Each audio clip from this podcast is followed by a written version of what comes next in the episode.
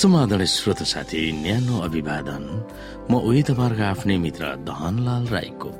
श्रोता आज म तपाईँको बीचमा बाइबल सन्देश लिएर आएको छु। आजको बाइबल सन्देशको शीर्षक रहेको छ लुकाउन नसक्ने छल।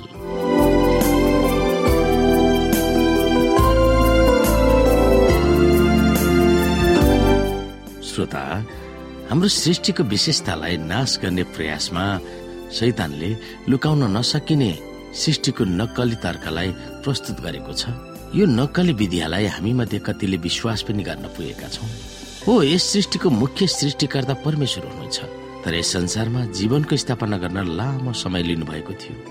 त्यस प्रक्रियामा परमेश्वरले नै क्रमिक विकासद्वारा जीवनलाई अस्तित्वमा ल्याउनु भएको थियो। कतिपयले उत्पत्तिको विवरणलाई वैज्ञानिक समय तालिकासँग मिलाउन प्रयास गरिरहेको छ। सृष्टिका दिनहरू चौबिस घण्टा नभएर अनिश्चित वा करोडौँ वर्ष लगाएर जीवनलाई अस्तित्वमा ल्याएको हो भनेर कथित इसाईहरूले नै विश्वास गर्छन्।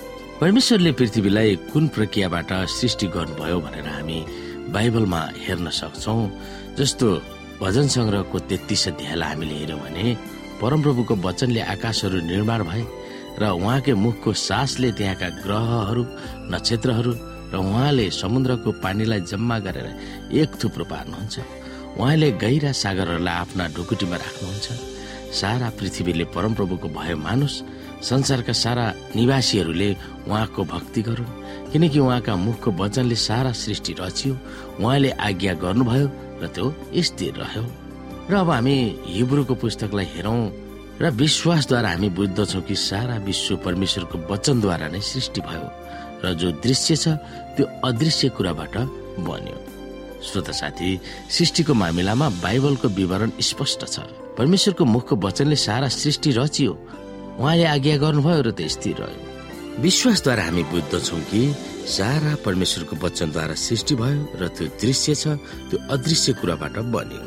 परमेश्वरले अझ छ दिन चौबिस घण्टा लगाएर पृथ्वी सृष्टि गर्नुभयो र सातौं दिन सृष्टिको काम सम्पन्न भएपछि विश्राम लिनुभयो भनेर उत्पत्तिको पुस्तकको विवरणले स्पष्टसँग व्याख्या गरेको छ। भाषाको बनावटमा उत्पत्ति एक र दुईमा कुनै तलमाथि गर्न अनुमति दिँदैन। परमेश्वरले छ दिन लगाएर सृष्टि गर्नुभएको हो। यो भनेर हामी विश्वास गर्दछौ। कतिपय विद्वानहरू पनि उत्पत्तिको लेखकले छ अझरस दिन लगाएर यस पृथ्वी सृष्टि गरिएको हो भन्न खोजेको छ भनेर स्वीकार्दछन्। उत्पत्ति एकमा उल्लेख गरिएको दिन हिब्रूमा योम हो। बाइबल भरि प्रयोग गरेको यो योमको अर्थ चौबिस घण्टाको समयलाई देखाउँदछ। कुनै अपवाद बिना नै यो चौबिस घण्टाको समयलाई औल्याउँदछ। फेरि स्पष्ट रूपमा भन्नुपर्दा यदि परमेश्वरले यस संसार अक्षर चौबिस घण्टा लगाएर सृष्टि नगर्नु भए हप्ताको सातौं दिन साबतको औचित्य के छ र? परमेश्वर आफैले सातौं दिन सवादको पालना गर्नु भनेर किन आदेश दिनुभयो? यदि परमेश्वरले अझ सात दिन लगाउनु भएर संसार सृष्टि गर्नुभएको थिएन भने अनन्त समयसम्म सावत पालना गर्नुपर्नेको औचित्य पनि देखिन्न।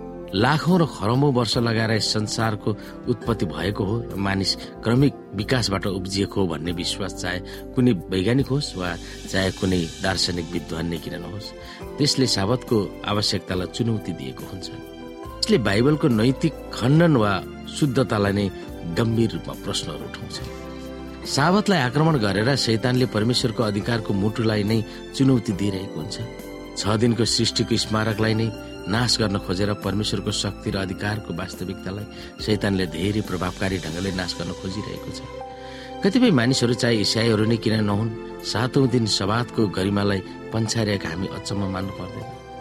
साबतको गरिमालाई कतिपय इसाहरूले नै व्यवस्था गर्ने चाल सैतानले ल्याउने अन्तिम छलको स्थापना हो भनेर हामी बुझ्न सक्दछौ श्रोता परमेश्वरले पृथ्वीलाई एउटा प्रक्रियाबाट सृष्टि गर्नुभएको थियो।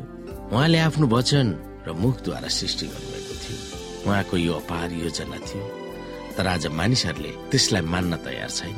यही मानिसहरूले अड्कडबाजीहरू गर्छन् अपतारिएला कथाहरू भनेर सृष्टिको वर्णन गर्न चाहन्छन्। तर त्यो कुनै हालतमा सम्भव छैन।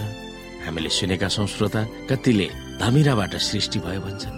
कतिले मानव जीवन चाहिँ बाँदरको प्रतिरूप हो भन्छन्। यी र यस्ता मणगणन्ते दन्ते कथाहरूले मानिसहरूको दिमागलाई भुटिरहेको छ। हामी यहाँबाट विश्वास गर्न सक्छौ कि परमेश्वरको वचनद्वारा सृष्टि भयो र मानिस परमेश्वरको योजना हो भनेर हामी विश्वास गर्न सक्छौ र यो लुकाउन नसक्ने एउटा सत्य हो।